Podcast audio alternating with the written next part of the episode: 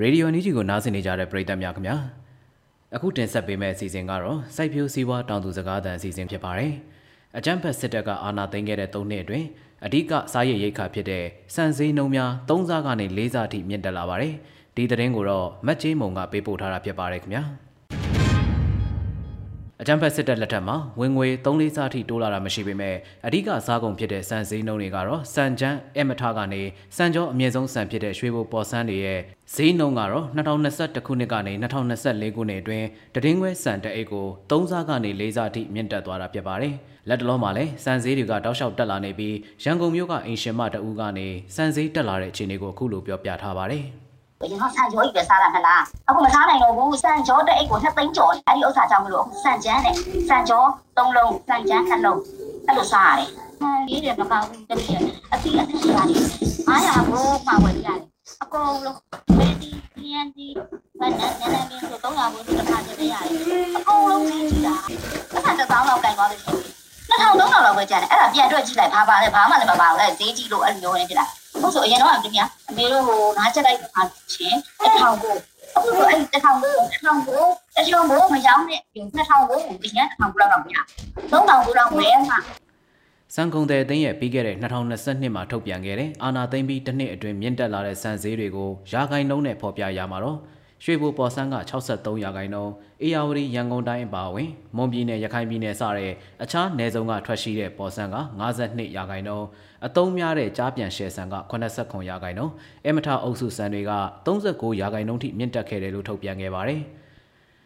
အာနာစာသိမ်းခဲ့တဲ့2021ခုနှစ်မှာရွှေဘိုပေါ်ဆန်းစံတိတ်ကိုကျပ်9000ကနေ2024ခုနှစ်မှာတော့ကျပ်2သိန်းနီးပါးအထိ၄ဆလောက်မြင့်တက်ခဲ့ပါတယ်။ပေါ်ဆန်းနယ်စုံကတော့ ကျပ်38,500ကနေကျပ်3,2400အထိ၎င်းကြားပြန်အိတ်တအိတ်ကိုကျပ်4000ကနေကျပ်3,4600အထိ၎င်းအဲမထတအိတ်ကိုကျပ်2,3000ကနေ8,5000အထိမြင့်တက်လာတာပဲဖြစ်ပါတယ်မြန်မာနိုင်ငံစံစဘာအသင်းချုပ်ကပြီးခဲ့တဲ့2023ခုနှစ်ကစပြီးစံစည်းစဘာဈေးတွေကိုရောင်းသူစိတ်ကြိုက်ဈေးမြင့်တာတွေမလုပ်ဘူး စံစည်းနှုန်းတည်ငြိမ်ဖို့နဲ့ပြည်ပစံတင်ပို့တဲ့လုပ်ငန်းတွေမှာစံမျိုးစားအရေးအသွေးနဲ့အရေးအတွက်စနစ်တကျဖြစ်ဖို့ရည်ရွယ်ပြီးအကြမ်းဖက်စစ်တပ်ရဲ့ခွင့်ပြုချက်နဲ့စံစဘာတူလောင်နာတွေကိုစည်ရင်းကောက်ယူတာတွေစတင်လှုပ်ဆောင်ခဲ့ပါတယ်။ဒါအပြင်ဈေးကွက်ပေါက်ဈေးမဟုတ်တဲ့စံစဘာဈေးတွေကိုပြီးခဲ့တဲ့2023ခုနှစ်ဒီဇင်ဘာကစပြီးလစဉ်ထုတ်ပြန်လာခဲ့ပါတယ်။ အဲ့ဒီလိုဆောင်ရွက်ပြီးစီးခဲ့တဲ့နောက်စံကုန်တဲ့အတင်းကထုတ်ပြန်တဲ့ပြည်ပပေါက်ဈေးစံတွေကပြီးခဲ့တဲ့2023ခုနှစ်ဩဂတ်စ်လ28ရက်ကစပြီးပုံမှန်ထုတ်ပြန်နေကြဈေးကွက်ပေါက်ဈေးတွေကိုထုတ်ပြန်လာတာမရှိတော့ဘဲ